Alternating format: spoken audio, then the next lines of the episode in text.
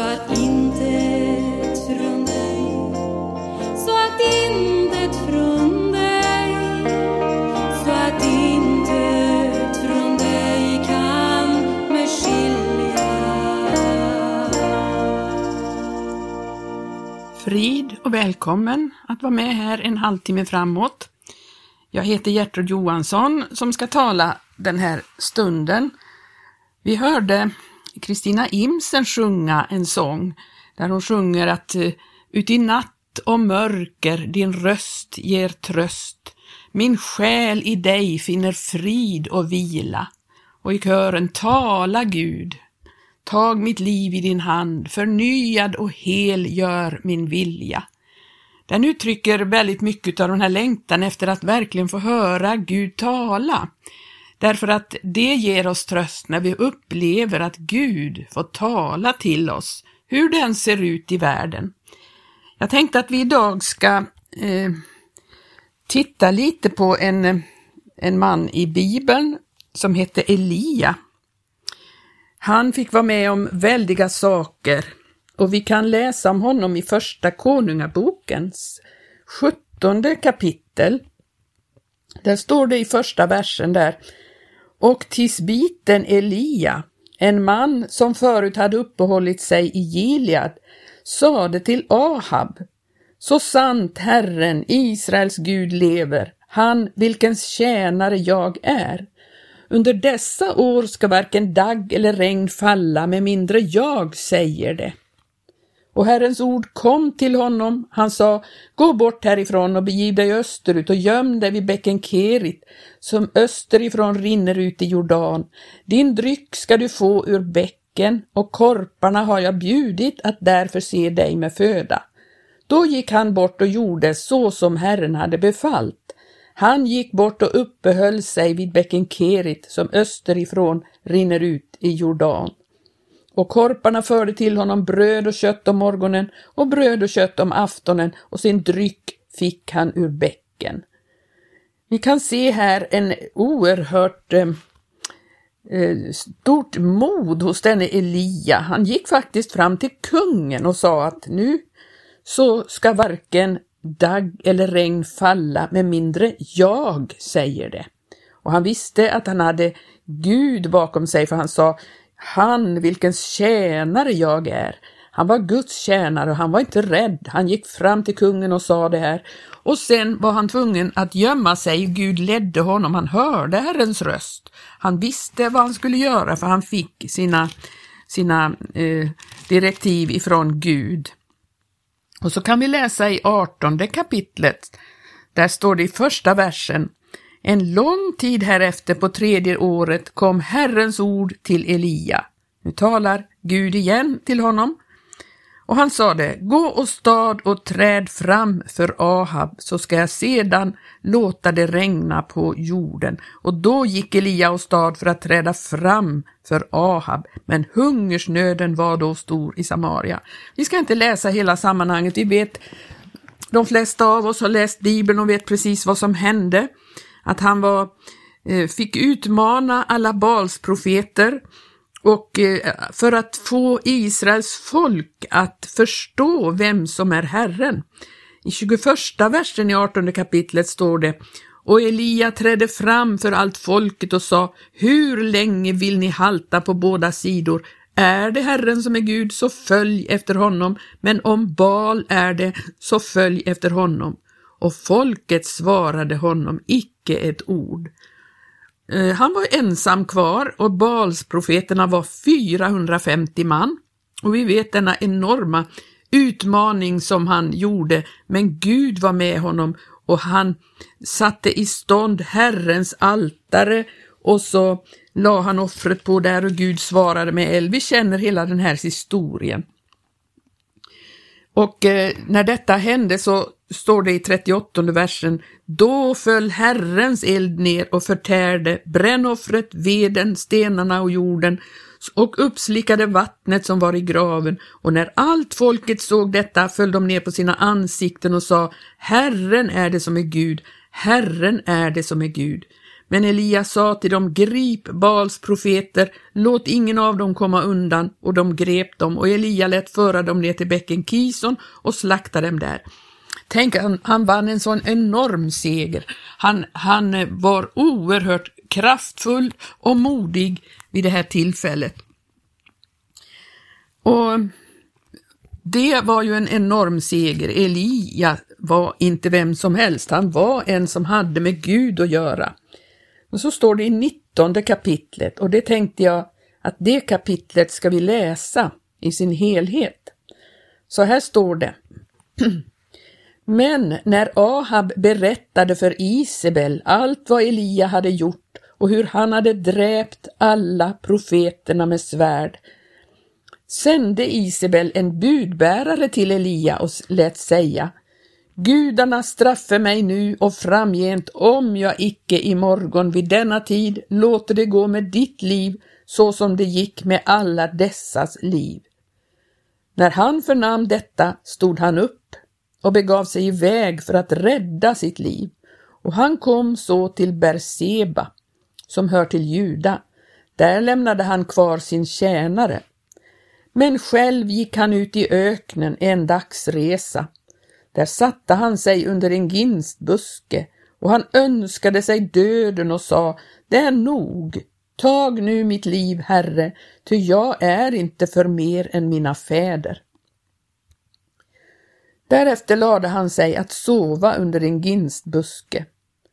Men se, då rörde en ängel vid honom och sade till honom, stå upp och ät. När han då såg upp fick han vid sin huvudgärd se ett bröd, sådant som bakas på glödande stenar, och ett krus med vatten, och han åt och drack och lade sig åter ner. Men Herrens ängel rörde åter vid honom för andra gången och sade, Stå upp och ät, ty eljest bliver vägen dig för lång. Då stod han upp och åt och drack och gick så styrkt av den maten i 40 dagar och 40 nätter ända till Guds berg Horeb. Där gick han in i en grotta och i den stannade han över natten. Då kom Herrens ord till honom och han sade till honom, Vad vill du här, Elia? Han svarade, Jag har nitälskat för Herren, härskarornas Gud, ty Israels barn har övergivit ditt förbund, rivit ner dina altaren, dräpt dina profeter med svärd. Jag alena är kvar och de står efter att taga mitt liv. Han sade, gå ut och ställ dig på berget inför Herren. Då gick Herren fram där och en stor och stark storm som ryckte loss berg och bröt sönder klippor gick före Herren. Men icke var Herren i stormen. Efter stormen kom en jordbävning, men icke var Herren i jordbävningen.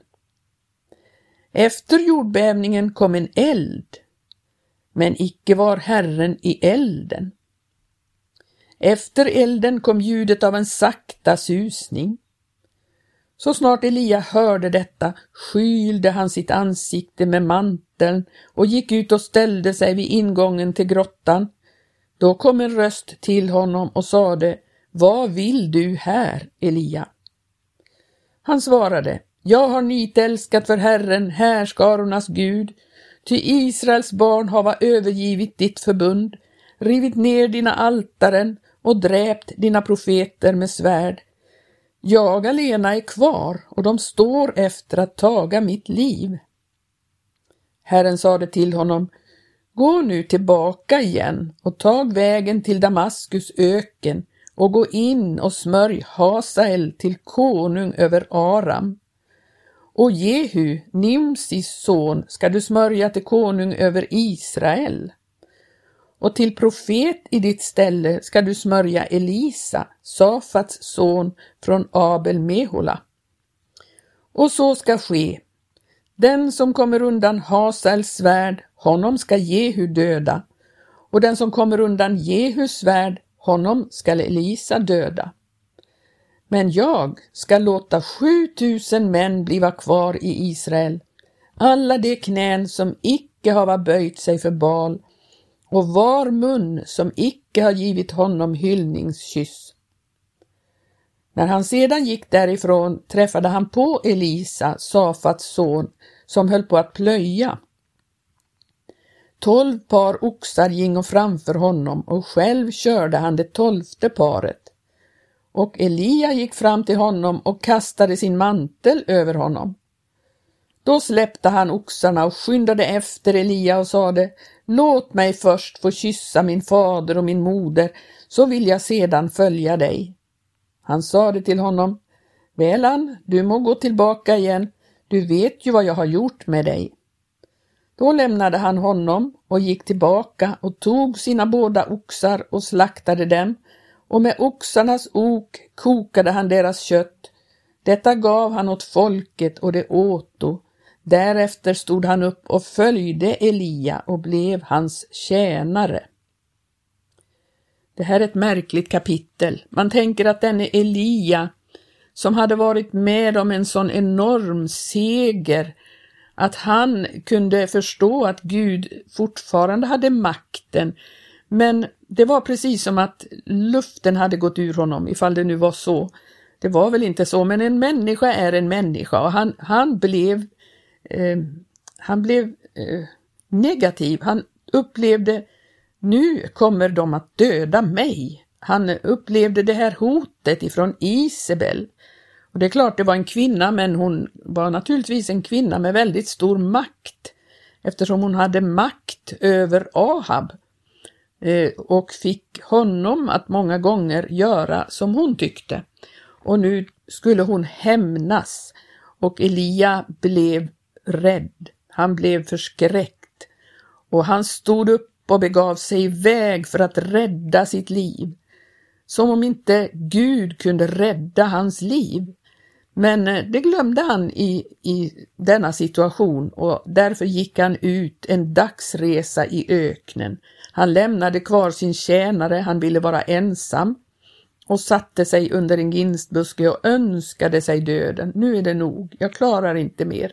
Den här kampen tog väldigt på krafterna och nu, eh, nu är det nog. Jag är inte för mer än mina fäder. Han upplevde att han hade fullt fog att tänka så. Så la han sig att sova. Men tänk att han fick änglabesök. Tänk att han fick änglabesök trots att han hade rusat iväg ut i öknen utan att höra vad Gud hade att säga till honom. Men ängeln säger till honom, stå upp och ät. Och det är så viktigt att när vi upplever eh, att vi blir, blir eh, vad ska man säga, deprimerade eller uttröttade, liksom vi blir besvikna på saker och ting, att vi måste äta. Vi måste äta, vi måste äta av Guds ord. Ängeln sa till honom, stå upp och ät. Han gjorde det, han åt, men så la han sig återigen och sova. Och då rörde Herrens ängel till honom, vid honom för andra gången och sa, stå upp och ät för annars blir vägen dig för lång. Och då stod han upp och åt. Och vi kanske behöver också gå en lång väg, men vi behöver, när vi går så behöver vi ha mat, vi behöver styrka. Och det handlar om att fortsätta ta till sig Guds ord, läsa hans ord, ta till oss, äta utav hans bord. Annars blir vägen dig för lång. Vi kan inte klara det i egen kraft, men vi kan hämta kraft genom att ta till oss Herrens ord. För då stod det så här, då stod han upp och åt och drack och gick så styrkt av den maten i 40 dagar och 40 nätter ända till Guds berg Horeb. han ville ändå söka sig till Gud. Han visste att det var Guds berg. Dit gick han och han fick gå där i 40 dagar och 40 nätter. Och då hade inte Gud, eh, kunde inte Gud tala till honom. Han var i en sån ställning och situation så att han var döv för att höra något slags tilltal. Och då gick han in i en grotta och då hör vi hur Herren talar till honom. Vad vill du här? Hade han någon avsikt med att han hade gått dit? Gud ville höra vad han sa och han säger inte att han har någon avsikt med det. Han förklarar bara varför han gick dit. Han eh, tycker att Gud borde väl förstå, så här är det. Jag har ju nitälskat för Herren. Israels barn har övergivit ditt förbund och rivit ner dina altaren och dräpt dina profeter. Jag är alena kvar och de står efter att ta mitt liv.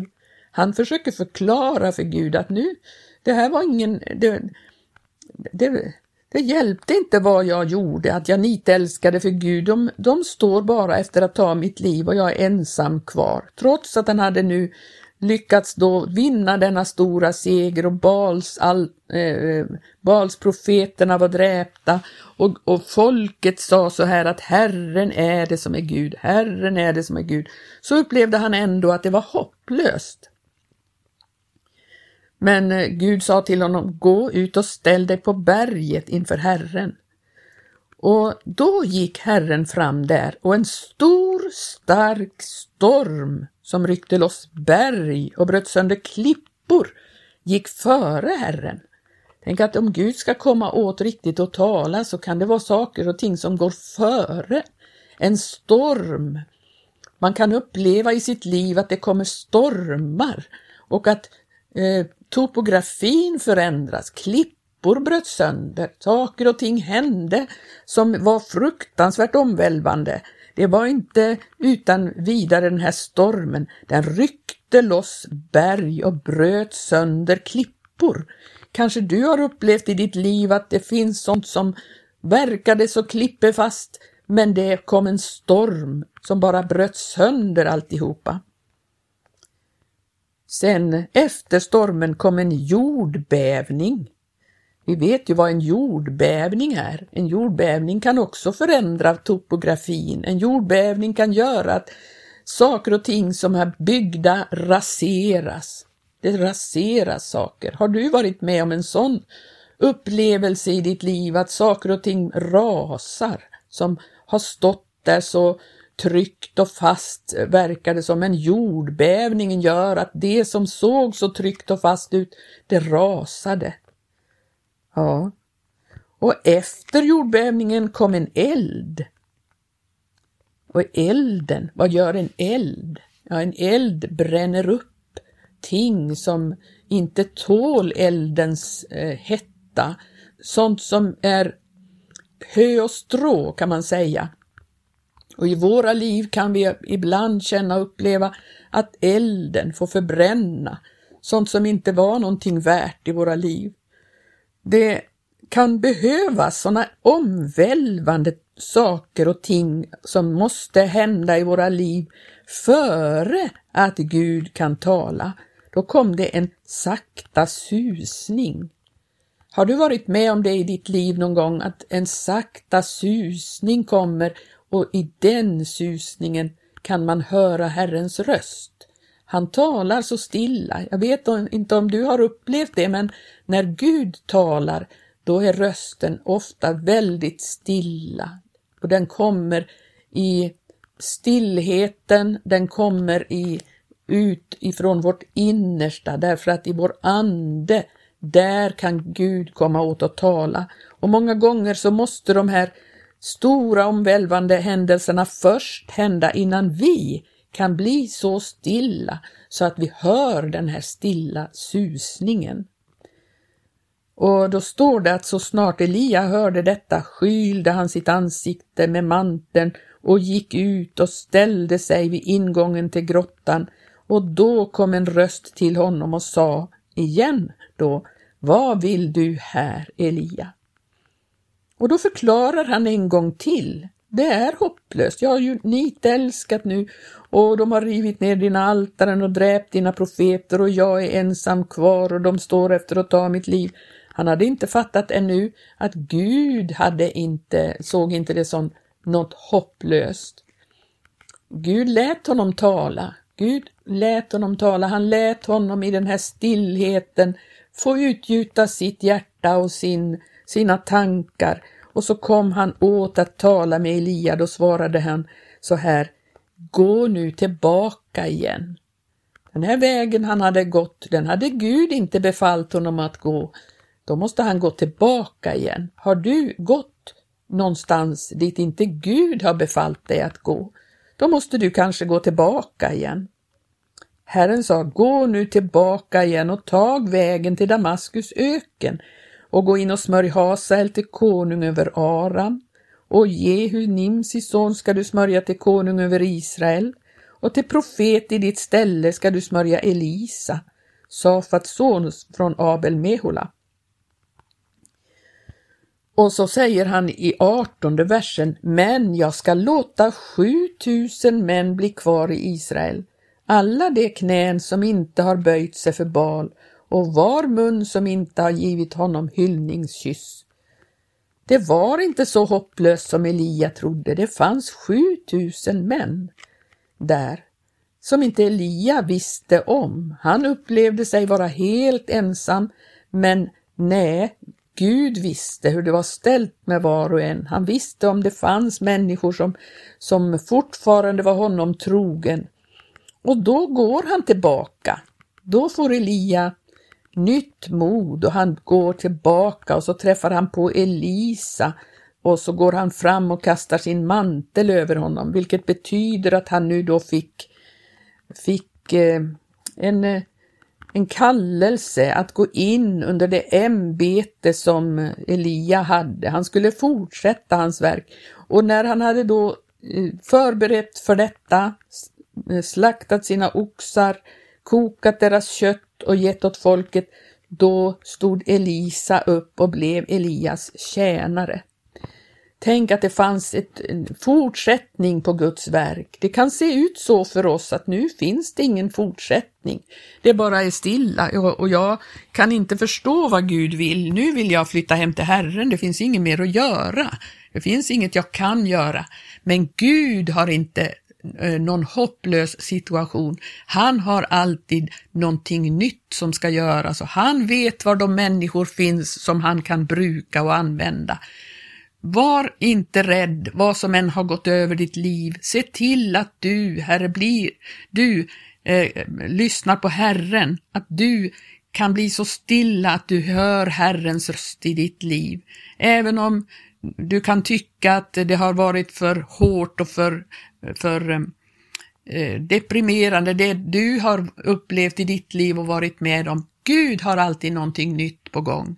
Han har alltid ett svar och en uppgift och en, en eh, fortsättning på sitt verk. Må Gud välsigna dig som har lyssnat här idag och jag hoppas att du kan förstå lite av vad jag har velat säga här idag. Lyssna till Herrens röst. Det finns alltid en lösning i Herrens hand, bara vi blir så stilla så att vi kan höra den. Må Gud välsigna dig och så på får vi höras igen framöver. I Jesu namn. Amen.